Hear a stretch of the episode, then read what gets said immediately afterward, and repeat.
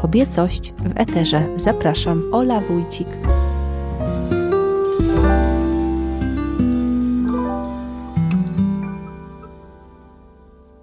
Bardzo się cieszę, że w studiu jest ze mną. Przybyła specjalnie na tę okazję Anna Kędzierska, autorka podcastu Na Dobry Dzień, współautorka podcastu Opowiedz to, autorka obrazków do myślenia, psycholog. I chyba czy, coś, wystarczy. czy coś pominęłam? No właśnie tak myślę, czy wszystko. Wiesz co, no przede wszystkim żona i matka, a przede wszystkim człowiek chyba, to na, to na pierwszym miejscu. Człowiek odnaleziony. O, co to znaczy? To, że ja dzisiaj, jak się z tobą spotykam, w ogóle jestem tak podekscytowana tym spotkaniem i tak się zastanawiałam, co się tu wydarzy. I tak sama sobie budowałam napięcie, bo pomyślałam sobie, że to jest taki moment, kiedy ja mogę przyjść i tak w pełni z tobą pogadać, bo mam takie przekonanie, że ja kilka lat temu się odnalazłam jako człowiek i jestem już coraz bliżej tego, żeby wiedzieć, kim ja jestem, bo te wszystkie tożsamości, które wymieniłaś, są jak najbardziej prawdziwe. Natomiast mam takie przekonanie, że najważniejsza moja tożsamość to jestem ja sama i ta moja świadomość, kim ja jestem i po co ja tutaj jestem. Czyli to bycie publiczne, bycie biznesowe zaczyna się od bycia ze sobą, a potem bycia w swoim domu czy w swoich relacjach, tak by wynikało. Wiesz co, no dla mnie zdecydowanie tak, tym bardziej, że to, co ja robię w życiu, to jest dzielenie się sobą z innymi ludźmi. No i teraz trudno jest być uczciwym w relacji z innymi, jak się nie jest uczciwym w relacji z sobą samym. Ja poznałam Cię jako widownia na scenie, bo Ty występowałaś na scenie razem z Twoim partnerem biznesowym i współautorem podcastu Opowiedz to Maćkiem Cichockim podczas Pyrkastera 2022. No i muszę powiedzieć, a zresztą już to mówiłam w kuluarach, że to Wasze wystąpienie mnie absolutnie zauroczyło, bo para prowadzących, para też przyjaciół, która nie dość, że daje wartość, bo później oczywiście słuchałam od października waszego podcastu, tak jak obiecywałam. Dziękuję. Ale też y, jakaś taka piękna energia, synergia się tworzy w tym waszym duecie. Nie przekrzykujecie się, dajecie sobie przestrzeń, ale też tak pięknie uzupełniacie się i merytorycznie, i, i życiowo. Wiesz co, no coś w tym jest rzeczywiście, bo to, co potrafimy zrobić z Maćkiem, to uzyskać taki rodzaj przepływu. My jesteśmy do siebie bardzo podobni, a jednocześnie totalnie różni od siebie. Mm, czasami spoglądamy na różne sytuacje i życiowe, i zawodowe z tak różnych perspektyw, że momentami bywa, że się gotuje. A jednocześnie, no zwłaszcza wtedy, kiedy jesteśmy na scenie, to mamy takie przekonanie, że ludzie dają nam coś bardzo ważnego, bo dają nam kawałek swojego życia w momencie, kiedy chcą nas słuchać. I czy to jest taka scena jak na Pyrkasterze, czy scena na konferencji, czy nasza podcastowa scena w Opowiedz to w podcaście dla tych, którzy mówią do ludzi, to mamy takie obydwoje przekonanie, że to jest szczególny czas, który ludzie ofiarowują nam i mają prawo oczekiwać czegoś wartościowego w zamian. Zatem, znając swoje mocne i słabe strony nawzajem, wiedząc, na czym się znamy, co mamy ludziom do zaoferowania, potrafimy te spotkania poprowadzić tak, i to mówię z dumą i z pełnym przekonaniem, że umiemy to zrobić tak, żeby dać naszym słuchaczom czy uczestnikom naszych szkoleń jak najwięcej tego, po co przychodzą. Oczywiście to zawsze nie jest 100%, no bo i my jesteśmy ludźmi, i oni są ludźmi, i nam się zmienia i w ogóle. Natomiast mam takie przekonanie, że potrafimy mieć ten przepływ, że raz jest jednego więcej, raz jest drugiego mniej i jak Maciek ma lepszy dzień, no to gdzieś on idzie do przodu. Jak ja mam lepszy dzień, to wtedy on może odsapnąć, ja idę do przodu, więc sobie tak e, płyniemy na tej fali uzupełniania się. Gdzieś mi zostało takie zdanie, które wy chyba macie z improwizacji, że robicie tak, żeby to ta druga strona błyszczała w tym wspólnym wystąpieniu, że oboje macie takie intencje. Tak, to rzeczywiście jest e, ze świata improwizacyjnego. W ogóle świat improwizacyjny mnie zachwyca, nie mam specjalnie dużo doświadczeń, natomiast to, co bardzo pokochałam, to jest to, że to jest taki świat na tak, gdzie ludzie ze sobą nie rywalizują. Ja bardzo nie lubię rywalizacji, nie lubię ścigania się, nie lubię wyznaczania celów i potem na siłę, żeby się do nich doczłapywać. A druga zasada to jest ta właśnie, że jak jesteś z drugą osobą na scenie, to robisz tak, żeby to ona była gwiazdą. żeby to ona mogła błyszczeć, żeby mogła pokazać się z jak najlepszej strony, dlatego że wiesz, że za chwilę jest ten przepływ, który powoduje, że ten drugi ktoś pozwala ci zaistnieć z całym Twoim talentem, z całym Twoim doświadczeniem, ze wszystkimi Twoimi supermocami. I myślę sobie, że to jest e, fantastyczne w życiu i w pracy, że mamy taką odwagę i gotowość, żeby ten drugi ktoś błyszczał, bo wiemy, że nam też tak naprawdę to się opłaca. Te wasze opowieści uzupełniają się też w takim sensie formalnym, dlatego że, no co prawda, oboje chyba malujecie słowem, ale ty dodatkowo posługujesz się też językiem obrazu. Rzeczywiście tak. Nazwałam siebie gryzmografką, dlatego że nie jestem artystką w znaczeniu umiejętności malowania, rysowania, ale mam wypracowane to, co każdy z nas ma, czyli umiejętność myślenia obrazem i potrafię to, co mam w głowie, te wizualne metafory przełożyć na kreskę, na to, co się pojawia na tablecie albo na papierze. I to jest coś, co jest uzupełnieniem cudownej umiejętności Maćka związanej z tworzeniem słów, ale to słowa są zawsze na początku. Na początku było słowo i u nas też tak jest, że najpierw jest słowo, a obraz jest um, uzupełnieniem, chociaż nie mniej ważnym, bo on jest taką, wiesz, tak jak y, przyprawa w jedzeniu.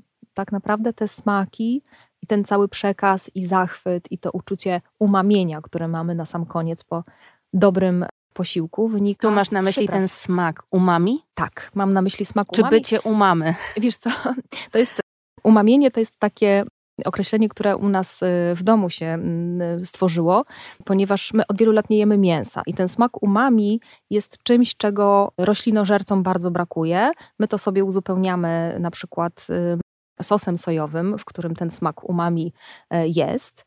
Zatem jak jesteśmy tacy, wiesz, zaspokojeni żywieniowo, to mówimy, że jesteśmy umamieni, czyli tacy, tacy wypełnieni aromatem potraw. No i w naszej pracy jest tak, że tą podstawą jedzenia jest pomysł, jest słowo, a tą przyprawą, tymi przyprawami, które pozwalają być na koniec, koniec końców najedzonym i umamionym, jest właśnie obraz, który często wychodzi spod mojej ręki. Na wszelki wypadek zabrałam do studia kredki, jakbyś chciała coś namalować. Dobra. Przypomniałam sobie, że je mam. Wczoraj właśnie no, przygotowanie oczywiście do rozmowy trwało dłużej, ale wczoraj stwierdziłam, że no nie idę o 22 na spacer, no to wyciągnęłam kolorowanki i kredki, które okazało się, że miałam. I jak ci z tymi kredkami? Użyłaś? Kolorowo, no pewnie. Cudownie. Czekaj. No nie wiem, może się przydadzą do czegoś. Rozsypały się. Kredki, kredki rzeczywiście są. A wiesz, co ja zrobię najpierw z kredkami? No one są, Ja je powącham. one są cedrowe. Oczywiście, że tak. I to jest taki zapach kredek, który ja pamiętam z dzieciństwa, ale też ten dźwięk. Rozsypanych No, kredek. Nie są ułożone kolorystycznie. O, A ja takie, nie przeszkadza ja takie to. kolorowanki tutaj Kolorowanki mam. dla No. dorosłych. No, No, no to takie są, powiem ci, dla mnie y, wyzwaniem, chociaż na moim tablecie graficznym, którego używam, jest taka opcja, że można sobie tak y, poustawiać, że rysuje się od razu e, symetrycznie, wiesz, w odbiciu i można takie mandale sobie też rysować. I to w ogóle rysujesz kółko, a tu zaczyna ci się tworzyć jakiś orientalny wzór. No i to jest frajda. Ale kolorowanie nie jest potem tak przyjemne jak e, kredkami. No właśnie w tej tutaj mandalowej kolorowance są tak drobne te linie i tak ciężko jest nie wyjść poza linię. Także nie wiem. Słuchaj, to ja ci do tych kredek dokupię dobrą temperówkę. I wtedy kolorowanka jest twoja. Według tego, co wyczytałam na Twoim Instagramie, życie jest za krótkie, aby nie otaczać się ciszą, aby zakładać zbroję, aby sobie nie potańczyć, aby nie czerpać z natury, aby szukać dziury w całym, aby przeszkadzał rąbek spódnicy. Na co jeszcze życie jest za krótkie?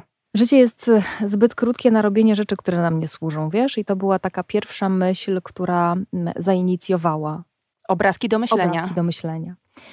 Bo one są bardzo osobiste i to pewnie nie będzie zaskoczeniem. Ja Myślę, że jak każdy wytwór artystyczny, to wychodzi z naszego brzucha, gdzieś w trzewiach się budzi. I to jest tak, że ja kilka lat temu takim obuchem w łeb dostałam, wiesz, z taką myślą, że Boże, ileż ja robię i robiłam rzeczy, z którymi mi nie było po drodze, ale robiłam je, bo wypadało, bo mama mnie tak uczyła, bo ktoś tak ode mnie oczekiwał, bo nie potrafiłam sama sobie czegoś odmówić, chociaż wiedziałam, że jak dzisiaj to zrobię, to jutro się będę źle czuła. I ta pierwsza myśl, że życie jest zbyt krótkie, żeby robić zbyt wiele rzeczy, które nam nie służą, spowodowało, że zaczęły mi wybijać takie pojedyncze zachowania, aktywności, których podejmuje się ja, ale też jak obserwuję inni ludzie, które zabierają nam kawałek życia. No bo jeżeli mamy tego życia, załóżmy jeszcze przed sobą 100 lat, dni, miesięcy, jakkolwiek, 100. I później zaczynamy z tej setki klocuszków, które mamy do wykorzystania, wyjmować pojedyncze klocki, bo y, robimy rzeczy, które nas nie budują, które nam szkodzą, które później rozpamiętujemy i przez to wyjmujemy następne dni, lata, miesiące z naszego życia, no to się okazuje, że w którymś momencie stajemy w takim osłupieniu i ale jak to? To ja mam za sobą tyle lat, a nie mam tego wszystkiego, co jest dla mnie ważne, y, tyle czasu y, straconego i ja to mam za sobą. Dlatego dzielę się tym ze światem w ramach inspiracji, ale też w ramach takiej autoterapii. Ty już wielokrotnie mówiłaś o tym, że psychologowie to również ludzie. To przede wszystkim ludzie, tak. No ale to zawsze takie jest odkrycie, że ty skończona psycholog, jak o sobie sama mówisz, trenerka, mentorka, też musisz to odkrywać. I odkrywam to, Ola, codziennie. Moja serdeczna przyjaciółka śmieje się ze mnie, że jak dochodzę do ważnego w moim życiu momentu, to często powtarzam, wiesz co Danusia, ja myślałam, że ja już to wiedziałam, a tu się okazuje, cholera jasna, znowu się wzięłam i potknęłam. I myślę sobie, że moje życie to jest takie pięcie się w górę, w rozumieniu e, wchodzenia na pewien szczyt. No a wiadomo, że na ten szczyt najłatwiej, ale też najbardziej ekonomicznie, jeżeli chodzi o energię, wchodzi się e, zatańczając kręgi po zboczu. A to oznacza, że co i raz jestem w tym samym miejscu, tylko spoglądam na nie z trochę innej wysokości i potrafię je zobaczyć inaczej, ale czasami e, walnę się głową o tą samą gałąź albo potknę się o ten sam kamień. Mm, więc to mm, odkrywanie siebie i budowanie siebie, no dla mnie to jest cały czas droga. To ładne, co powiedziałaś, i ta spirala, którą tutaj palcem zatoczyłaś, tak to zobaczyłam. Czyli nie możemy się uleczyć tak rasa dobrze. Myślę, że może są tacy ludzie, którzy się potrafią uleczyć. I pewnie tacy są. Ja do nich nie należę. A jak z Twoją drogą do kobiecości? Mm, in progress, mówiąc po staropolsku. Wiedziałam, że dotkniemy tego tematu. Nie Kurczę. zaskoczyłam cię. Mm, wiesz, miałam taką nadzieję, tak zaczęłaś od tych kredek i taka ta, ta gra wstępna tutaj e, Chcesz była kartkę? taka, żeby się odstresować. Nie, nie, jeszcze, jeszcze nie. Poza tym jest tak, wiesz co, obawiam się, że mogłam tutaj mm, hałasować, a nie chciałabym wydawać tymi kredkami i moim zegarkiem stukającym o blat dźwięków, które potem będą przeszkadzały tym, którzy będą chcieli posłuchać naszej rozmowy. Moja droga do kobiecości. Ona się dzieje, tak myślę. Bo dla mnie droga do kobiecości to jest też droga do bycia sobą i w ogóle droga do człowieczeństwa. Wiesz, ja jak e, myślałam sobie o naszym dzisiejszym spotkaniu, i tak zakładałam, że to o tą kobiecość możesz mnie zapytać, nie wiem czemu. to pomyślałam sobie, że ja nie mam definicji kobiecości takiej jednoznacznej, żeby powiedzieć, to jest trata, tata, tata. Aniu, ja od trzech lat szukam. O Jezus, jakie, Jezu, jakie to jest szczęście, że ja nie jestem taka ostatnia, jak ja się cieszę. Nie, jest jeszcze kolejka po tobie zapisana, następny wywiad w środę. No właśnie i tak sobie myślę, że dla mnie nie ma jednej definicji kobiecości, nie ma dla mnie jednej definicji męskości. Przez długi czas mojego życia myślałam sobie o tym, że kobiecość można odkryć tylko w zestawieniu w stu, ze stuprocentową męskością. Że ona daje takie odbicie, takie zwierciadło, że to jest to yin i yang, jak jest tego wystarczająco dużo, to i to drugie w wystarczająco dużej ilości się pojawi.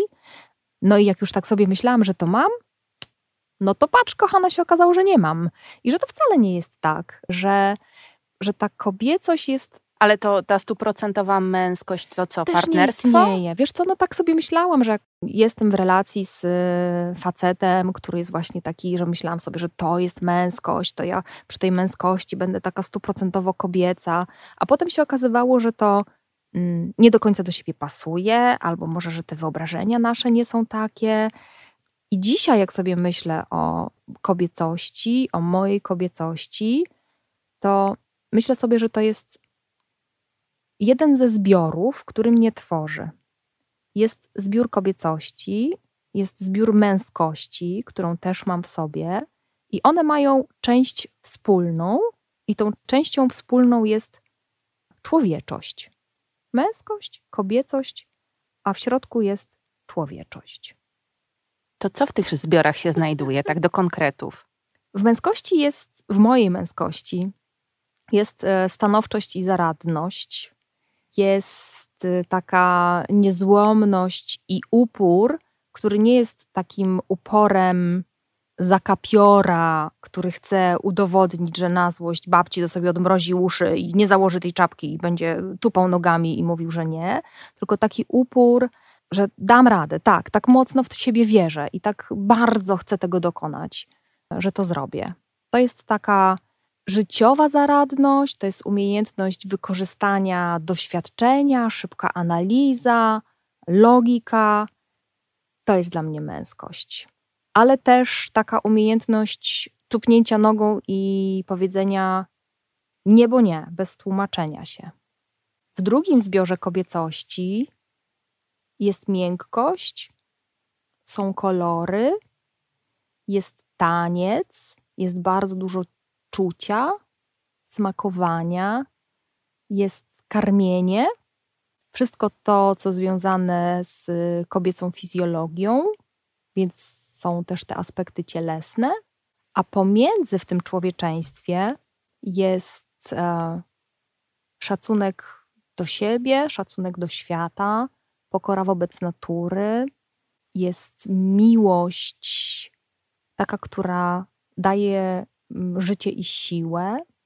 Są wszystkie emocje, od tych bardzo przyjemnych i wzniosłych, po te piekielnie trudne, przed którymi najchętniej moja kobiecość by uciekła, a męskość by zaprzeczyła i powiedziała: Przestań się mazać. No, to jakoś tak. Na szybko i na gorąco. Wy z Maćkiem w swoim podcaście, ale też chyba w tym, co robicie zawodowo, mówicie o tym, że prezentacje, wystąpienia są procesem przeprowadzania ludzi przez zmianę. I tak sobie mhm. pomyślałam, że w tej naszej kobiecości też jest dużo zmiany, że są różne etapy życia kobiety, ale że my tej zmiany też w każdym miesiącu i nawet w każdym dniu doświadczamy tak bardzo mocno jako kobiety. Mhm. Wiesz co, myślę, że zmiana jest w ogóle taka bardzo człowiecza właśnie, no bo mamy chociażby zmiany pór roku, kiedy czujemy rzeczywistość inaczej, kiedy ją inaczej odbieramy, kiedy ten świat nas napędza do tego, żeby robić, tak jak to się dzieje wiosną i latem, i do tego, żeby nie robić, co nam podpowiada jesień i zima i krótsze dni. I to uczucie, kiedy myślimy sobie, o nie, zakopać się pod kocem, schować, przetrwać, byle do wiosny ale jak najbardziej blisko mi do tego, o czym powiedziałaś, że w tą y, kobiecość y, wpisana jest też y, zmiana. I myślę sobie, że no właśnie to nie wiem, widzisz, czy to człowieczość ma to do siebie, że przeżywa, że na przykład staje przed lustrem i widzi swoje własne odbicie, które jest zupełnie inne niż na przykład dwa lata temu, albo wyciągamy zdjęcie i widzimy, że jakieś inne oczy już na nas patrzą, i jakaś inna skóra, i, jakieś, i tak się inaczej te bicki prężą. Więc myślę sobie, że to uczenie się i akceptowanie zmian to jest człowieczość, ale społecznie mm, gdzieś ta nasza kobiecość ma no właśnie ten zapis i takie może oczekiwanie, takie mm, może nawet roszczenie, że ta kobiecość będzie cały czas e, taka sama świeża, gipka, jak z okładki. Sexy, jak z okładki, no właśnie, taka gładziuchna. A to najpierw się kobiecość zaczyna i się kobietą trądzik na przykład zaczyna, albo nagle im rosną biodra. No. Później jeszcze jakieś inne procesy. No więc dlatego, no właśnie widzisz, to tak naprawdę ta kobiecość się dzieje zgodnie też z cyklem miesięcznym, z cyklem dekad, które tam świeczki na torcie nam się pojawiają i wiele kobiet w którymś momencie już nie chce się przyznać, e, ile to ma lat. I myślę sobie, tak jak obserwuję kobiety w swoim otoczeniu, to my chyba mm, mamy bardziej, nie chcę powiedzieć, że mamy większą trudność, ale że bardziej przywiązujemy do tego wagę i bardziej się przyglądamy i bardziej to oceniamy i bardziej przeżywamy, że te zmiany następują. No może też troszeczkę społecznie jest inne wymaganie co do kobiet niż co do mężczyzn. Oni mają jakieś swoje schematy, my swoje. No, stereotypowo na pewno tak, bo nawet się mówi o tym, że jak im facet jest starszy, to jest taki bardziej zacny i dostojny i ten pierwszy siwy włos. Mędrze? Skroni, tak, dokładnie, że on jest taki, no dopiero taki właśnie, taki prawdziwie męski. A stereotypowo w kobiecości jest inaczej, chociaż powiem Ci, że ja od wielu lat mieszkam na wsi i przez to, że na co dzień nie mam kontaktu z takim stereotypowym myśleniem, to w ogóle gdzieś mi to uleciało. I teraz y, no, szyję na bieżąco, żeby odpowiedzieć na Twoje pytanie. Tego w ogóle nie czuję. Wiesz, gdybyś zapytała mnie o takie stereotypy, mm, albo no, teraz to do czego nawiązujesz, to sobie myślę, kurde, tak jest rzeczywiście? Serio, musiałbym jakąś gazetę wziąć w ręce i chyba popatrzeć, jak to wygląda, bo gdzieś to z mojego życia cudownie wyparowało. No może na szczęście coś się już też zmienia, bo, bo są różne dyskusje społeczne, więc Myślę, że się zmienia na pewno, dlatego że mam takie przekonanie, że się rozrasta ta nasza człowieczość, która jest częścią wspólną zarówno kobiecości i męskości. I mam takie przekonanie, że jedno bez drugiego nie może istnieć, ale też przyzwolenie na to, żeby ta kobiecość była w mężczyznach. I to jest mm, coś pięknego, co ja obserwuję i co mm, absolutnie uwielbiam. Właśnie ta zgoda na, no mówiąc stereotypowo, żeby prawdziwy mężczyzna także płakał. Nawet mam y, taki rysunek, y, taki obrazek do myślenia, że życie jest zbyt krótkie, żeby mężczyzna nie płakał. I to są takie zmiany, które ja obserwuję, podziwiam i bardzo, bardzo szanuję, że właśnie ten zbiór człowieczość nam się coraz bardziej rozszerza, powodując, że te zbiory męskości i kobiecości, one są coraz bardziej na siebie nakładające się i że to robi nam się no po prostu taka, taka prawdziwość, takie ja, które raz może być silne, raz może być słabe, raz może być kanciaste, a raz może być płynne. E, I że to jest ok, że część ludzi, nie chcę powiedzieć, że świat, chciałabym, żeby to był świat, ale nie mam takiej wiedzy, że część ludzi mówi: OK, daję ci zgodę na taką e, wewnętrzną też zmienność, nie tylko w cyklach miesięcznych, rocznych, porach roku, tylko daje ci prawo do tego, żebyś dziś miał, miała tak, a jutro, żeby ci się zrobiło inaczej, bo doświadczysz czegoś, co spowoduje, że albo zesztywniejesz, albo zmiękniesz, że albo się zakolorujesz, albo się zrobisz czarno-biała, czarno-biały. No i dla mnie to jest ta człowieczość właśnie.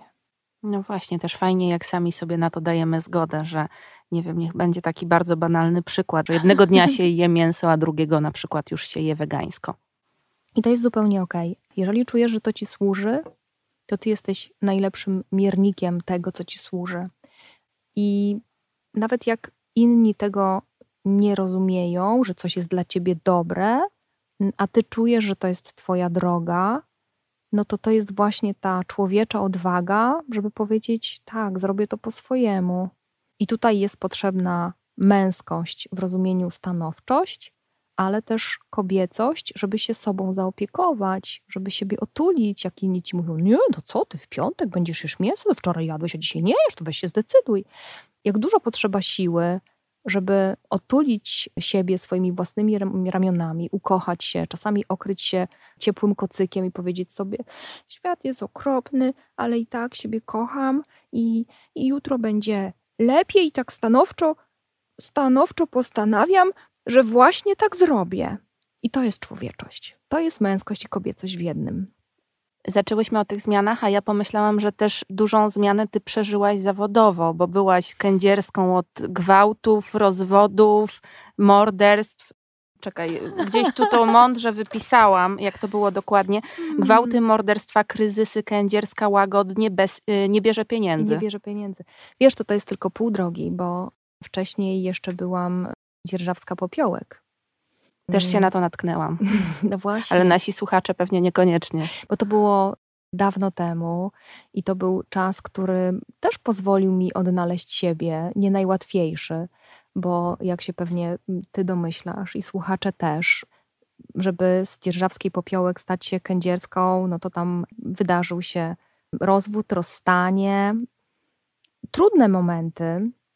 A dlaczego o tym mówię? Że, dlatego, że mam też takie przekonanie, dzisiaj umiem tak na to spojrzeć, że to jest wszystko to, co mi było bardzo potrzebne, żeby dzisiaj być tym, kim jestem, żeby być sobą i żeby też zrozumieć, co jest dla mnie ważne. I wtedy, kiedy byłam dzierżawska popiołek, już byłam psychologiem, już się pojawiałam w mediach, już byłam kojarzona jako ekspert. No a w międzyczasie z dzierżawskiej popiołek stałam się dzierżawską. Wróciłam do panieńskiego nazwiska, potem dopiero byłam kędzierska. I wtedy, kiedy po rozwodzie wróciłam do swojego nazwiska, zostałam zaproszona do studia Dzień Dobry TVN, gdzie byłam dosyć często takim ekspertem opowiadającym o różnych rzeczach, jak znaleźć drogę do siebie, dlaczego ludzie robią różne rzeczy, no tak jak to w telewizji śniadaniowej. I prowadzącemu, chyba mam odwagę dzisiaj, żeby to powiedzieć, Marcina Prokopa poinformowałam, że ponieważ jestem po rozwodzie, to proszę, żeby mnie przedstawił Dzierżawska, a on spojrzał na mnie i powiedział, co, szewc bez butów chodzi? I wtedy mnie to rąbnęło strasznie, bo ja miałam taką myśl, że jak jestem psychologiem, to wiesz, powinnam być taka bardziej, nie?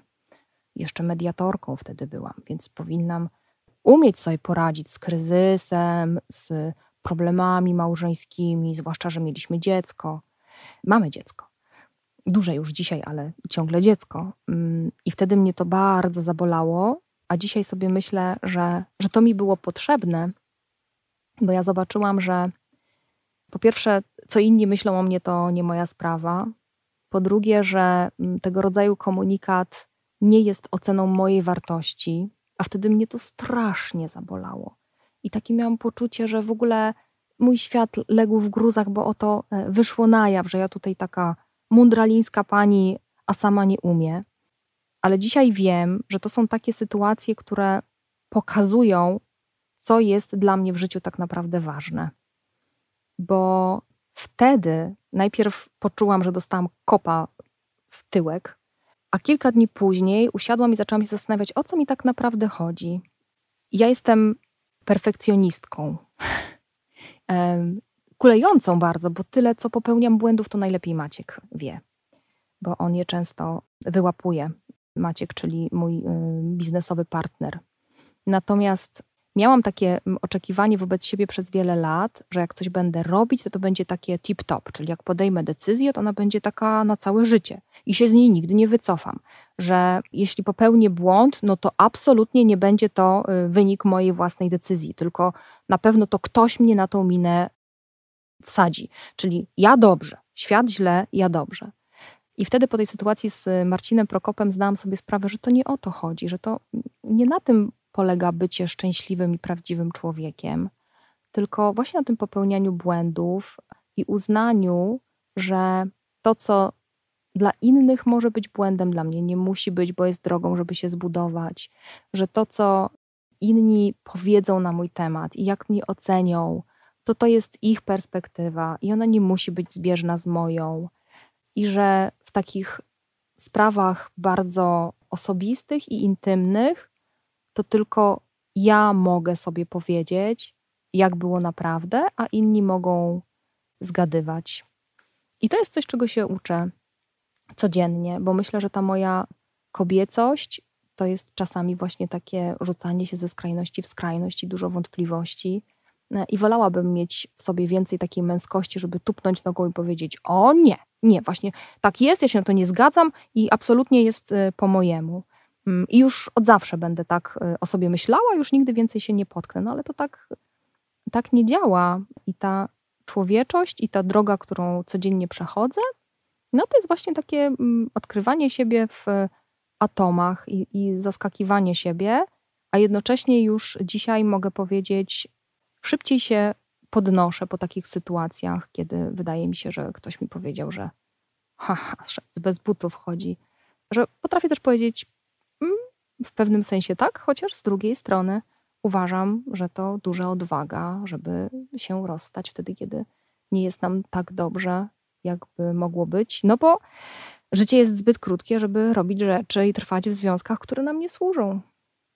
Kim jest Helena? Helena to jest y, z jednej strony, najkrócej jakbym ci miała powiedzieć, to Helena jest moim ego.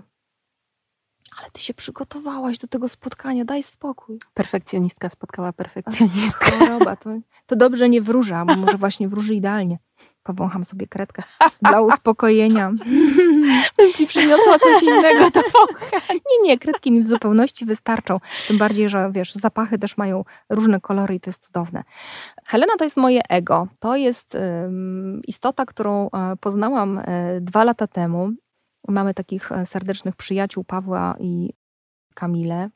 I oni nas wprowadzili na orbitę myślenia innego o rzeczywistości, gdzie pojawiły się obszary związane z intuicją, duchowością, szukaniem siebie, byciem sobą, odrzuceniu schematów takich, wiesz, pokoleniowych, rodowych, w ogóle dziedziczonych od y, pokoleń, tylko dlatego, że urodziłaś się na polskiej ziemi. I tak od słowa do słowa pojawił się wątek takich wewnętrznych głosów, które to mówią: zrób tak, nie, tak nie zrób, to jest złe, nie, tak musisz zrobić, bo przecież. I te głosy takie, wiesz, one nie są takie opiekuńcze. To, to, to, to nie jest taki potrzeb skarbie, ale tak usiądź i popatrz na to i się zastanów i sprawdź coś dla ciebie dobre, tylko bardziej takie właśnie popychające cię w jakąś aktywność. No i te moje głosy dostały imię Helena. I na początku myślałam sobie, że mm, Helena to jest taki diabeł, co to mieszka we mnie. I tak po prostu na, na każdym kroku mi chce dowalić. To jest głos mojej mamy, która jak wchodziła do mnie do pokoju, ja byłam straszną bałaganiarą, mogę powiedzieć brzydkie słowo, to mówiła, no pewnie, że tutaj nasrać na środku. to jest głos z mojego taty, który jak wracałam z piątką, z minusem do domu, to mówił, no a po co ten minus? I wiesz, i ta Helena po prostu cały czas tam nadawała, bez przerwy, że to niewystarczająco dobre, że, że ten ci źle tak powiedział, a trzeba mu było tam odpowiedzieć, a, a, a tutaj to trzeba było zupełnie inaczej. I ona mi tak nawijała strasznie. I ja próbowałam na początku tą Helenę, nawet powiem ci, wygnać. Wyszłam na spacer. Banicja. Naprawdę. Wyszłam na spacer, a ponieważ mieszkamy na wsi, to dużo takich polnych dróg jest. I doszłam do rozstaju dróg, stanęłam i powiedziałam tak, Helena, wypierniczasz stąd. Pokazała mi, stałam, wiesz, na tym naprawdę, jak wariatka. I mówię, wynocha stąd, ja cię nie chcę w ogóle cię znać. Wypierniczaj z mojego życia. Przestań, już mam dosyć twojego gadania. Idź, daj mi żyć. I przez moment poczułam, że ona sobie poszła. Jakbym się dopatrzyła, to nawet, wiesz, taką postać przechodzącą przez drogę numer 7 bym zobaczyła. Ale minęło kilka tygodni i ja, słuchaj, znowu słyszę, że a to nie tak, a to coś tam, a to nie w ten sposób. Lesc i wróć. Choroba mówi jak weksel.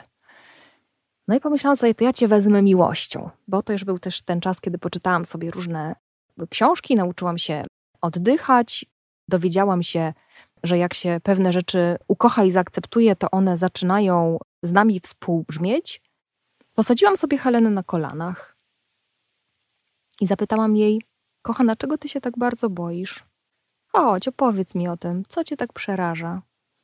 Co jest takiego, co powoduje, że ty szczerzysz kły, drapiesz, kąsasz, tupiesz nogami? Bo przecież ja wiem, że ta złość, te przytyki, te słowa, które czasami są niecenzuralne i kierowane pod moim adresem, to one są tak naprawdę z troski, bo przecież ty, Helena, beze mnie nie żyjesz, a ja, Helena, nie żyję bez ciebie. My siebie potrzebujemy nawzajem. Czego ty się obawiasz, maleństwo? No i wyszły mi tam, wiesz, różne rzeczy, których ta mała Helena tak bardzo się boi, że stoi w miejscu, tupie nogami i buntuje się i mówi stanowcze nie. Słyszałam też gdzieś, podsłuchałam, że masz tatuaż z napisem wolno? Oczywiście, że tak. Hashtag wolno. I co ci wolno? Co to, co to znaczy? Wiesz co, to jest, to jest w ogóle cudowne słowo, bo to jest tak, po pierwsze mi wolno po swojemu i innym ludziom wolno po swojemu. Że każdy z nas może, tak jak czuje, tak jak potrzebuje, tak jak umie w danym momencie. I to było moje takie jedno z życiowych wyzwań, żeby pozwolić innym ludziom robić tak, jak chcą i jak czują, a nie jak ja bym chciała. To po pierwsze. Po drugie, że to ja. To jest straszne. Oczywiście, że tak. Znaczy piękne i straszne. tak. To jest, to jest piękne i straszne, zwłaszcza jak się jest perfekcjonistką i przecież wiemy, jak jest dobrze. A ci inni ludzie mają swoje własne dobrze. Przed wyjściem tutaj na jednej z grup takich świadomych kobiet przeczytałam post jakiejś mężatki, która umówiła się z mężem, że dziecko do przedszkola na urodziny zaniesie winogronka, marcheweczki, mhm. coś tam, coś tam. On to kupił, ale też nie zapomniał o słodyczach i brązowym napoju na K i żelkach i tak dalej. I ona się radziła, jak to świadomie rozwiązać. To a propos tego wolno. No właśnie. No i przecież mm, w momencie, kiedy innym ludziom czegoś zabronimy, no to oni mogą przez chwilę porobić tak, jak my chcemy ale gdy tylko spuścimy ich z oczu, no to będą robić tak, jak im jest bliżej w danym momencie, jak potrafią. Poza tym, któż daje mi prawo, żeby innym mówić, jak ma być? Któż daje innym prawo, żeby mi mówili, jak ma być? Myślę sobie, że to jest mocno nieuczciwe i nie fair. Więc to moje hashtag wolno oznacza, że tobie wolno po twojemu, mnie wolno po mojemu. E, I to jest ok, nawet jak siebie nie rozumiemy, jak nie łapiemy w ogóle nawet punktu styku, może to oznaczać, że potrzebujemy, żeby nasze drogi się rozeszły i to też jest ok. I to wolno oznacza też, że nie musi być szybko. Czyli żeby się nie spieszyć. Tak. I to jest coś, czego ja się uczę, żeby się nie dawać wkręcać. Nie, inaczej, żeby się nie wkręcać w bycie takim rozpędkiem, który e, jak jest dziś pytanie, to ja natychmiast dziś odpowiedź muszę mieć. Żeby być cierpliwym. O, o tym myślałam. To jest cnota, no, trudna. To tego się uczę. I wiesz, i mam ten tatuaż, bo spoglądam na niego i wtedy sobie przypominam o tych rzeczach. Bo ja to wiesz, niby, niby wiem, ale, ale zapominam, przyznaję. Wpadam w kolejny przyzwyczajeń, że szybko i że po mojemu przecież jest lepiej, bo to jest sprawdzone. I wtedy, no właśnie, ktoś tak jak dziś przypomina mi o tym tatuażu, albo ja na niego spoglądam. I mam przekonanie, że w tym wolno, w znaczeniu, że nie musisz, tylko możesz, wolno w znaczeniu, że nie szybko, jest wielki potencjał, ale też fundament mojego funkcjonowania. Tak sobie pomyślałam, jakie jeszcze hasztagi na dzisiaj byś dodała do tego tatuażu? Ten tatuaż się, wiesz, nie, nie, nie rodził tak na zasadzie hop i teraz nawet. Ale ja nie wyciągam sobie... maszynki, spokojnie. Ktoś się tutaj ostatnio w studiu na żywo podobno tatuował. tatuował tak, super. ale nie będziemy tego robić, chyba by było niehigienicznie. Nie, na spokojnie, wiesz, spora część moich i y, mojego męża Michała tatuaży powstały u nas w domu, gdzie wtedy początkująca, a teraz już bardzo znana tatuażystka zdobywała swoich pier pierwszych klientów i wiesz, stół w kuchni był oblepiony folią, wszystko zafoliowane też z tych wszystkich maszynek, zdezynfekowane. To już bym chciała um. wszystkie oglądać te tatuaże, ale dam ci spokój może. Mm, to przy następnym, e, przy następnym spotkaniu. Jakie inne hasztagi? Jestem. Taki długi hashtag. Wszystko jest właściwe mogę i kocham. Ciała by nie starczyło, jakbyś mi jeszcze dała chwilę. Myślę, że też w tym, co mówisz i w tym, co robisz, wnosisz dużo takiej troski, dbałości o innych ludzi, takiej życzliwości. I tak się zastanawiam, czy to jest coś, co najpierw dajesz sobie, i jeśli tak, to w jaki sposób? Uczę się dawać to sobie, bardzo bym skłamała, gdybym powiedziała: Tak, jestem świetna w opiekowaniu się sobą.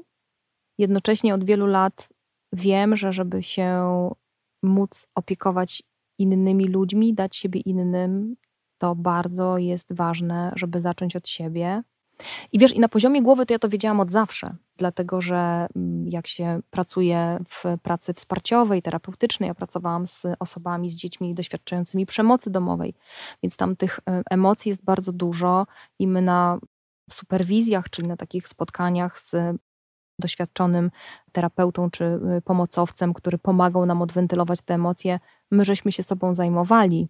No i też przepracowywaliśmy różne mm, swoje kwestie życiowe, no bo zanim się jest osobą pomagającą, to jest się przede wszystkim człowiekiem.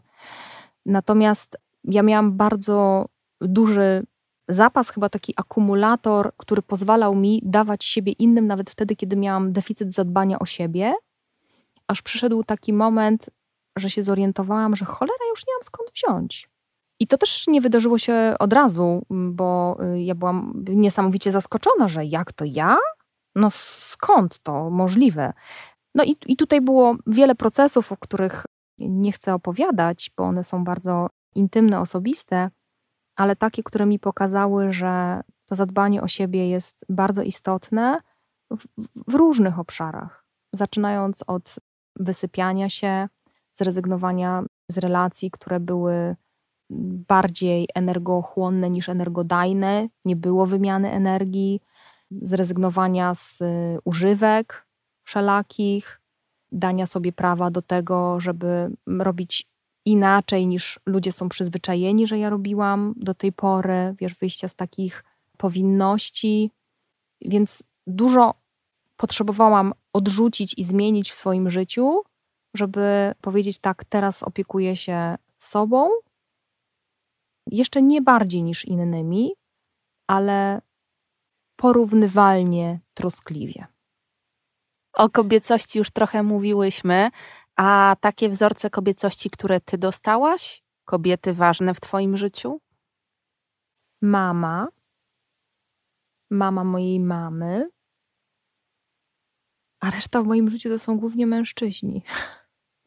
I wiesz, to co jest ciekawe, to to, że ja sobie o tej y, kobiecości bardzo mocno myślę, zresztą to nasze pierwsze spotkanie i nasza pierwsza rozmowa mocno mnie do tego zainicjowały, też słuchanie Twojego podcastu, żeby tak poszukać, co ja dostałam od tych moich kobiet, takiego kobiecego, co mogę powiedzieć, ok, właśnie tak definiuje kobiecość, to tam poza kwestiami fizycznymi i gwałtownymi emocjami mm, nie było więcej. Więc dlatego to moje odkrywanie kobiecości, pomimo tego, że za moment będę miała 50 urodziny, to to się ja w ciągle... to nie wierzę. Siedzę naprzeciwko ciebie.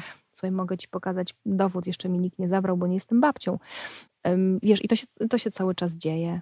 A mam potężne wyzwanie, ponieważ mamy córkę, którą chcę nauczyć tej kobiecości, albo inaczej, nie, nie, nie chcę jej nauczyć kobiecości. Chcę jej dać przestrzeń do odkrycia tej kobiecości na własną rękę. No właśnie, jak to, jak to robić, żeby na własną rękę mogła? No, wiesz co, no mocno pracuję nad tym, żeby zrozumieć, o co mi w tej kobiecości chodzi. I naj, na razie jest mi najbliżej do tego, że ona jest mm, takim mm, blaskiem, cieniem, odcieniem po prostu bycia człowiekiem. Że to nie jest nic takiego wyekstrahowanego, które musi mieć na drugim krańcu skali męskość. Że jeżeli będzie miała taką gotowość i odwagę, żeby robić tak, jak czuje, żeby podejmować decyzje, z których się wycofuje, żeby mieć odwagę powiedzieć, co myśli, zawalczyć o siebie, rozpłakać się, utulić, zatańczyć, zaśpiewać, tupnąć nogą, to ona w tym znajdzie kobiecość i ona będzie wiedziała, co to jest. To trochę tak jak z tym szukaniem zawodu na życie, bo ja sobie tutaj trochę dorabiam udzielając lekcji polskiego. No i przyszła do mnie dziewczynka mocno przeciążona, mocno sfrustrowana, bo obserwuje swoich rodziców i widzi, że pogoń za pieniędzmi nie do końca w szczęśliwe rejony ich zaprowadziła. Mhm. Jej życie w szkole też nie do końca ją satysfakcjonuje obecnie. I jak mówi o przyszłości, no to też mówi, że trzeba wybrać taki zawód, który daje pieniądze, czyli nie wiem, tam się nam odpalają. Ja oczywiście nie sugerowałam, co to. Za moich czasów to był lekarz czy prawnik, a teraz to jest pewnie informatyk mhm. czy programista, ale ja mówię, ale halo, halo, co ty lubisz robić? Bo wiesz, jak będziesz w tym dobra, to pieniądze cię znajdą jakoś, jak już dojdziesz do poziomu eksperta. I ile my mhm. tych informatyków możemy mieć i tych no, programistów? Podobno nie jesteśmy w stanie obsłużyć zapotrzebowania na informatyków, ale z drugiej strony niechaj będzie dużo wakatów, a więcej szczęśliwych ludzi, którzy żyją w zgodzie ze sobą, bo oni wtedy znajdą dla siebie zajęcie, które będzie służyć światu ale właśnie po to mi była ta historia, że jeśli mm. dajesz dziecku wolność do tego, żeby robiło to, co chce, a niekoniecznie według stereotypowego modelu mm. kobiecości coś tam, to może być kobieca i w tych niestereotypowo Absolutnie. kobiecych rzeczach. Absolutnie tak. Wiesz, może to jest tak, że mm, ta nasza energia życiowa, którą w sobie mamy, dusza, ona wie, czym jest męskość i kobiecość. I teraz, jeżeli będziemy w zgodzie w tym, co jest w nas, to tego pierwiastka męskości i kobiecości będziemy mieć właśnie tyle, ile nam potrzeba. I niekoniecznie wszystko musimy zaetykietkować, nazwać. Tak długo, jak to nie są akademickie rozważania i badania naukowe, to ja mam takie przekonanie, że najważniejsze, jeżeli czujemy, że to jest dla nas dobre. Jak zapytałam o te kobiece wzorce i powiedziałaś o tych mężczyznach, to tak się zaczęłam zastanawiać, czy ty jesteś trochę taką kobietą w świecie mężczyzn? Tak, trochę. Ja nie wiem, myśmy z, z, za mało wody razem jeszcze wypiły. Słuchaj, no więc wygląda to tak. Hmm. Męża mam. Syna mam, ale dla równowagi mam córkę, więc można powiedzieć, że to jest tak, wiesz, jeden do jednego. Razem z nami w domu mieszka mój tata. Mam partnera biznesowego. W tej chwili zaprosiliśmy do współpracy osobę, która nas wspiera w realizacji szkoleń i jest to mężczyzna. Zawodu trenerskiego uczył mnie facet. Pierwsze kroki w samodzielnej pracy trenerskiej, czyli to, co było moim klub zawodowym przez wiele lat, stawiałam z mężczyzną. Jeżeli chodzi o to, czym się zajmuję na co dzień, czyli wystąpienia medialne, wystąpienia publiczne, współpracowałam z dwoma mężczyznami. Z jednym tutaj wieloletnim wykładowcą, y, panem Andrzejem Zaporowskim, którego już z nami niestety nie ma, a jest przecudną duszą i bardzo mm, za nim tęsknię i, i ogromnie żałuję, że, że nie mogłam dzisiaj do niego zadzwonić i powiedzieć: Panie Andrzeju, będę u pana na wydziale tutaj w radiu nagrywać. Więc zdecydowanie e, wszechświat stawia na mojej drodze przede wszystkim mężczyzn. No i jak to jest być kobietą w świecie mężczyzn? Pytam, hmm. bo ja jestem kobietą otoczoną raczej przez kobiety przez całe życie. Hmm. Ci mężczyźni, którzy są w moim życiu i są ważni, którymi ja się otaczam i którzy mnie otaczają, to nie są tacy mężczyźni, wiesz, z zarostem, z bicepsami, z większą ilością tatuaży niż moje. Nie e, pracujesz w wojsku. O, dokładnie. To właśnie tak jest. Tak, tak. Ja nie pracuję w wojsku. Rzeczywiście. I to, co powoduje, że te moje relacje z mężczyznami... Ani na budowie. Ani na budowie, ani w restauracji, gdzie głównie szefowie kuchni się pojawiają. Mm, tak, no tutaj mm, nie ma musztry, nie ma stawianej na baczność, nie ma takiej stereotypowej męskości, bo chyba to chcę, żeby mi wybrzmiało.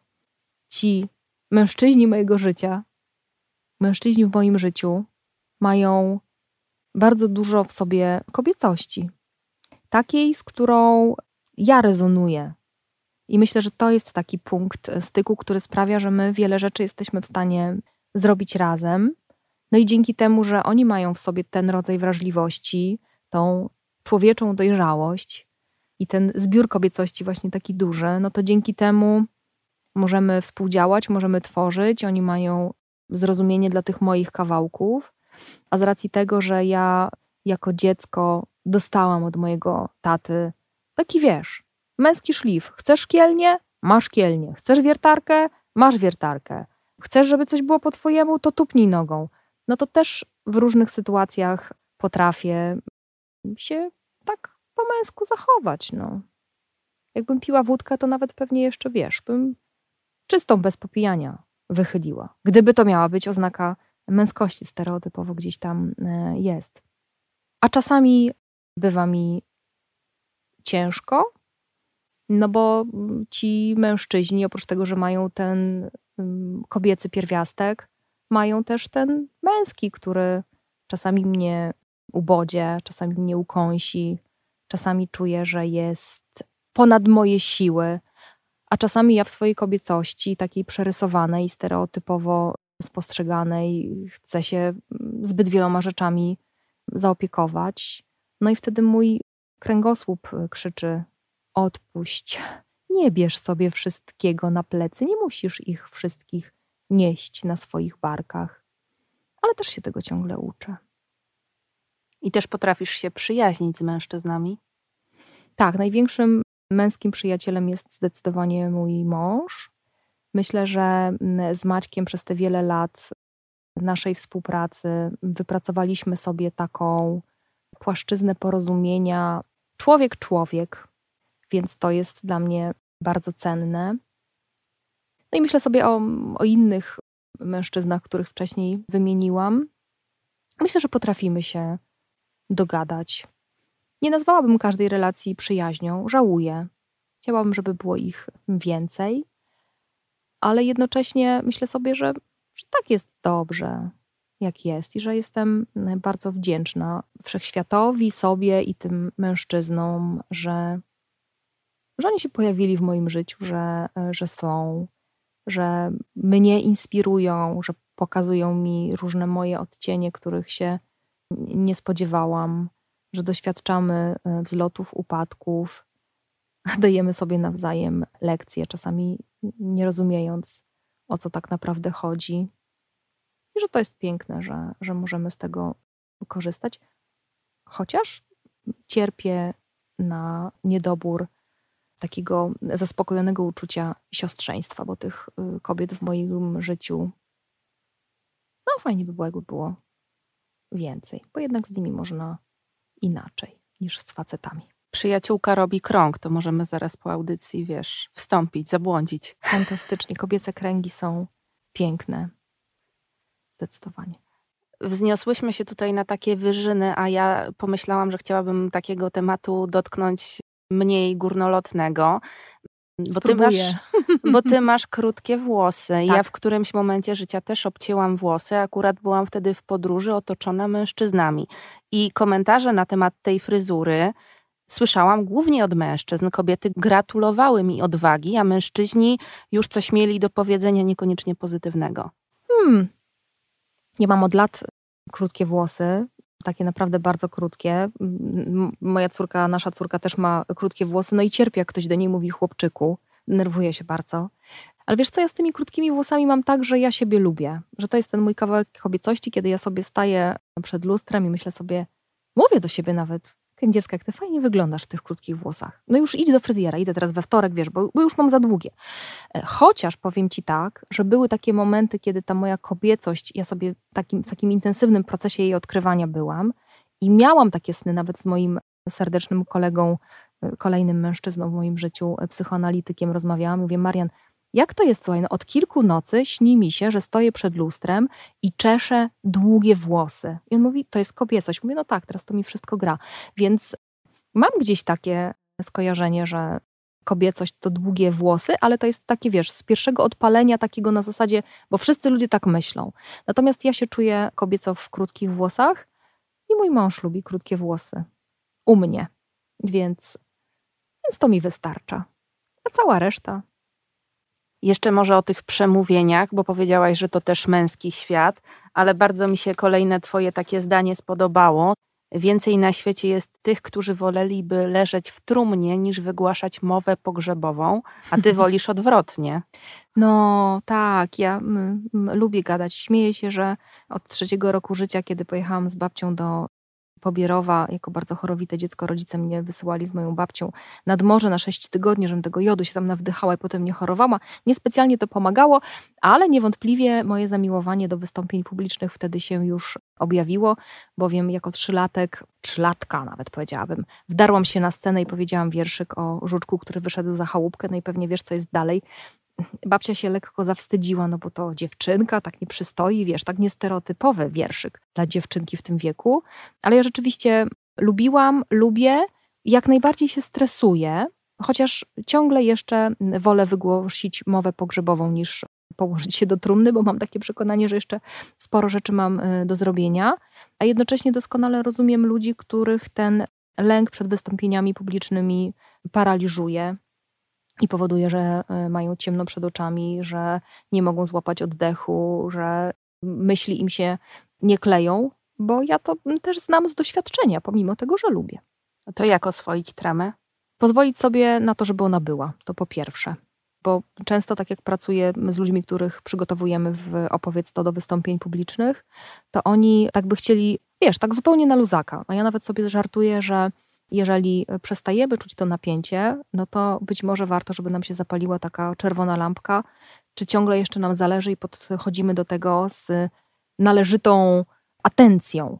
Druga rzecz to jest na pewno dobre przygotowanie, no bo to jest tak jak ze scenariuszem. Jeżeli mamy rolę wyuczoną i wiemy, co się ma wydarzyć, w jakiej kolejności, to ten niepokój związany z tym, że będzie trzeba improwizować, jest dużo mniejszy. A trzecia rzecz to jest oswojenie swoich własnych myśli, bo nasza głowa wtedy, kiedy doświadczamy lęku, podpowiada nam całą masę czarnych scenariuszy, a że się pomylę, a że zapomnę, a że będą widzieć, że się stresuję, a że będzie mi się coś trzęsło, a że zapomnę języka w gębie, a że zadadzą mi trudne pytanie, a że powiem coś takiego, że się po prostu tak skompromituję, że już nigdy więcej mnie nie zaproszą. I to, co można zrobić, to po pierwsze sprawdzić sobie, czego ja tak naprawdę się obawiam.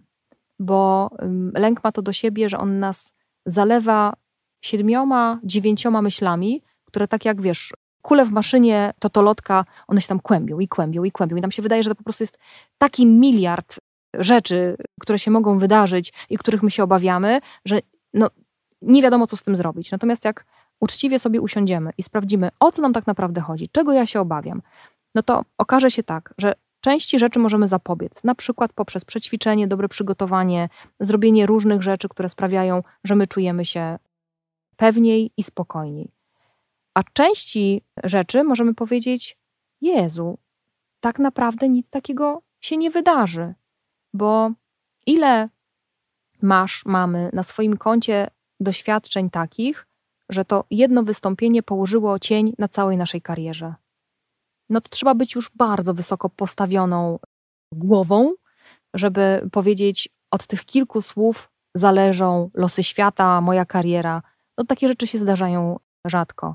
Jeśli sobie wyselekcjonujemy, czego się tak naprawdę obawiam, to potem zadajemy sobie pytanie, ile razy w mojej karierze mówcy wydarzyło się, że właśnie stało się coś takiego. No i na przykład, nie wiem, ktoś się boi, że się wywali na scenie, więc najpierw sprawdzamy, to co możesz zrobić, żeby na tej scenie się nie wywalić. Możesz wejść na nią wcześniej, możesz sobie zrobić taki trening wchodzenia po tych schodkach, sprawdzenia, gdzie są kable, założenia wygodnych butów, nie za długiej kiecki, żeby się nie potknąć, no przećwiczyć różne rzeczy. Więc po pierwsze profilaktyka, po drugie nadal się boisz. Ok, ile razy w życiu ci się wydarzyło, tobie albo komuś, kogo znasz, że się wywalił na scenie? No, ile razy zdarzyło ci się wywalić? Na scenie? No, tak na wiesz. weselu się kiedyś wywaliłam. No, a pewnie nie było to jedyne wesele w Mm. Twoim życiu. Czyli prawdopodobieństwo wystąpienia tego, czego my się obawiamy, okazuje się być niewielkie. Tak ogólnie w populacji, w Twoim doświadczeniu w populacji ludzkiej. No a kolejne pytanie to jest sprawdzenie, na ile jest prawdopodobne, że tym razem mi się to wydarzy. No, jest bardzo prawdopodobne, bo ta scena jest 79 schodków, do dodatku z góry trzeba zejść, jest ciemno, a jeszcze jest kabel od mikrofonu, bo wiadomo, że nie wiem, jakieś zakłócenia są i nie można bez przewodowych mieć mikrofonów. No to pójdź tam wcześniej. Albo y, wynegocjuj, żeby nie schodzić z tych 78 schodków, tylko wejdź tymi trzema, które są z boku sceny. Posprawdzaj, znajdź rozwiązanie. I potem się okazuje, że my sporą część rzeczy mamy pod kontrolą. Pierwsza rzecz to jest zatrzymać te galopujące myśli. To jest wyjąć tą jedną piłkę z tej maszyny losującej i się zastanowić, o co mi do licha chodzi, a potem to zaopiekować, ukochać, przećwiczyć. I się okazuje, że no jest to stresujące i ekscytujące. Ja nie znam takich ludzi, którzy się przed wystąpieniem nie stresują. Jednocześnie to może być taki garnitur, który, w którym my dobrze wyglądamy, a nie taki, który nas ciśnie, wiesz, w tym krawacie i w tych spodniach, gdzie nie możemy zrobić kroku i oddechu złapać. Ja tu się uśmiecham, bo pomyślałam, że puszczę to mojej mamie następnym razem, jak będzie miała przed sobą jakieś wystąpienie publiczne, bo ona ich nie znosi. Nawet jak tu z nią robiłam wywiad, to musiałam ją trochę oszukać.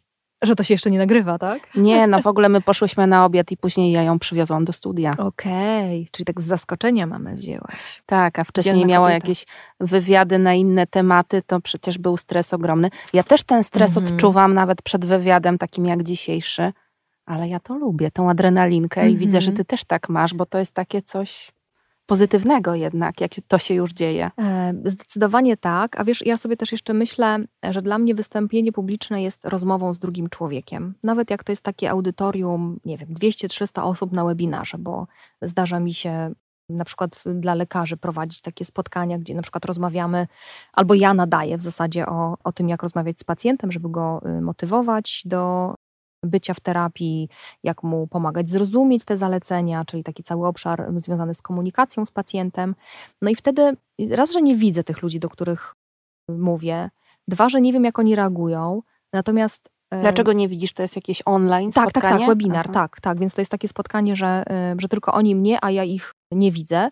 Natomiast zawsze mam takie przekonanie, że to jest moja rozmowa z jednym kimś, kto chce słuchać, bo pośród tych 300 osób, bardzo w to wierzę, jest przynajmniej jeden ktoś, kto chce ode mnie wziąć to, z czym ja do niego przychodzę. I być może będzie miał wątpliwości, nawet super, i nie będzie się ze mną zgadzał co do moich e, propozycji i pomysłów.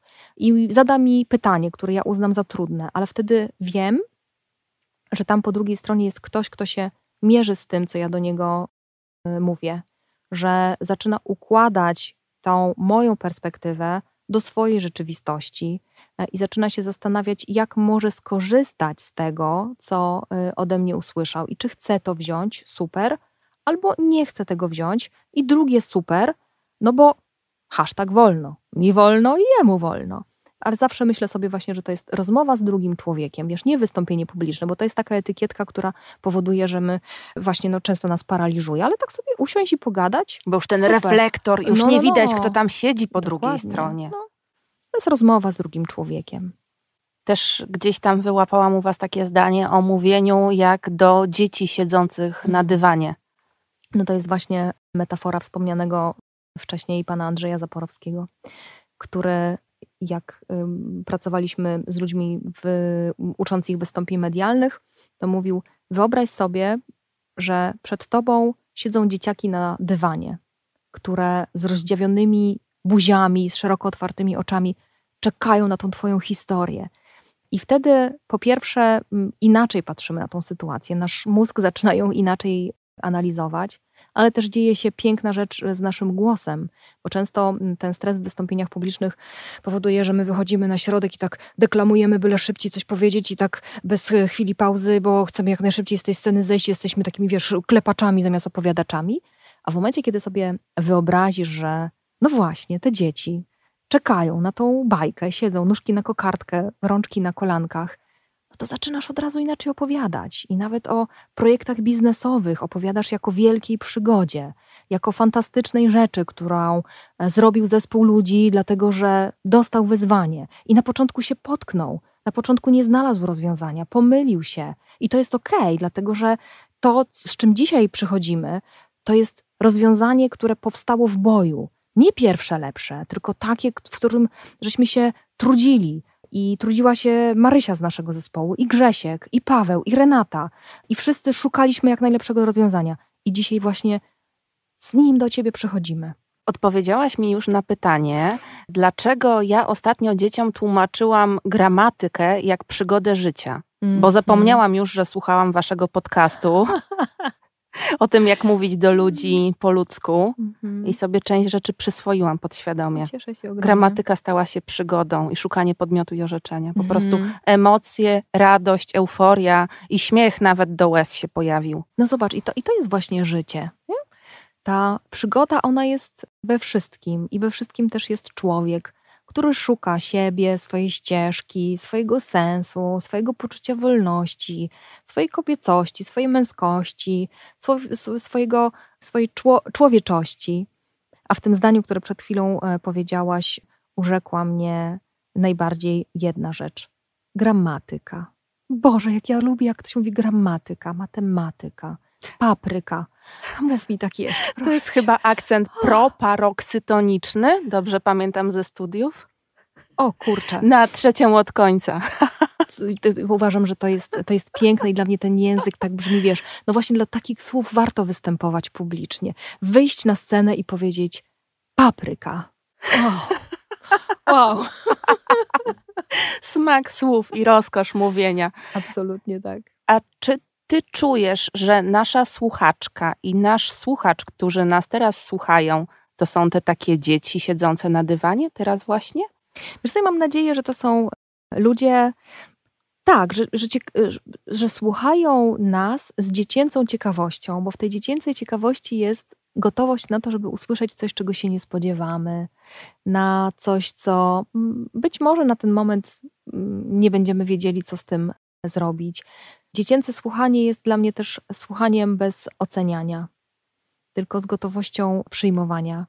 Więc, żeby łatwiej mi było dzisiaj mówić do ciebie, ale też z myślą, że tam po drugiej stronie e, są słuchacze i słuchaczki, to tak, to tam gdzieś głęboko we mnie, e, w moim człowieczeństwie, w moim jestestwie jest taka myśl, że słuchają nas ludzie z dziecięcą ciekawością.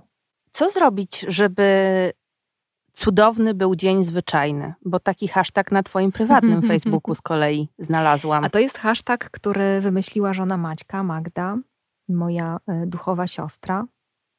Jedna z niewielu kobiet w moim życiu, które powodują, że ja jestem coraz bliżej siebie w tej swojej drodze do siebie. I Magda kiedyś do mnie napisała, mówi, słuchaj, zobacz, będziemy się tak codziennie wymieniać, co ty na to? Taki cudowny dzień zwyczajny i zobacz, tyle fajnych rzeczy się dzieje, tak żeby celebrować tą e, zwyczajność w codzienności. Ja mówię, Magda, to idziemy szeroko, co tam będziemy między sobą? Mówię, dawaj, ja to wrzucam na Instagram, będziemy zarażać świat e, miłością do drobiazgów. I był taki czas, kiedy robiłam to systematycznie, dzień w dzień. Potem podziały się takie sytuacje, że w tej codzienności bardzo ciężko mi było znaleźć coś pozytywnego, pomimo tego, że jestem wielką zwolenniczką doceniania drobiazgów, ale niespecjalnie mogłam się z tym y, obnosić. Ale taki cudowny dzień zwyczajny, wiesz, no to jest y, to, co my mamy dane. Masz dzień, 24 godziny. I teraz jak je przeżyjesz, w części zależy od ciebie, no bo są kawałki, które po prostu się dzieją, wydarzają i, i je dostaje, dostajemy z dobrodziejstwem inwentarza. Jednocześnie po tych 24 godzinach, ale też w trakcie, to po naszej stronie jest z jednej strony odpowiedzialność, a z drugiej szansa na nadanie znaczenia tym sytuacjom jako takim, które nas zniszczyły albo nas zbudowały. I czasami jest tak, że na tu i teraz nie potrafimy powiedzieć, że to nam pomogło, albo że było dla nas wartościowe i że wszystko jest właściwe. Ale po jakimś czasie okazuje się, że potrafimy na to spojrzeć e, inaczej, a jednocześnie, nawet wtedy, kiedy dzieją się rzeczy bardzo trudne, to są takie drobiazgi, które są cudami. Na przykład to, że pijesz kawę i zatrzymujesz się na chwilę, żeby poczuć intensywność tego smaku. Albo jedziesz samochodem i wpuścisz kogoś przed siebie i ktoś ci kiwnie z uśmiechem. Takie bardzo niewielkie rzeczy. Bardzo, nie wiem, czy to chyba nie, nie, pani, pani profesor od polskiego, czy powiedziałam dobrze? Nie, to nie, to nie. Nie występuję w tej nie, roli nie tutaj dobrze, i słucham dobrze, oceniasz. wartości, Cieszę się, dziękuję. która za Ale tym tak, płynie. Tak mi zazgrzytało, że są właśnie takie malusieńkie kropeczki, ja to zwykłam porównywać do rodzynek, które bardzo lubię. Czyli jak serniczek, to tylko z rodzynkami? Tak, i drożdżowe też tylko z rodzynkami, więc jest tak, że mój mąż wygrzebuje, a ja je wyjadam, bo ja absolutnie uwielbiam.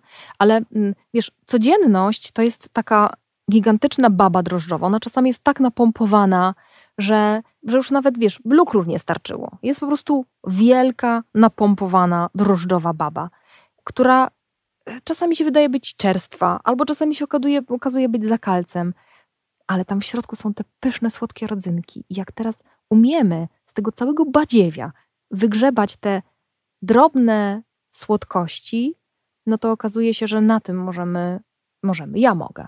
M mogę zakotwiczyć e, moją uważność e, i z tym właśnie sobie zostać.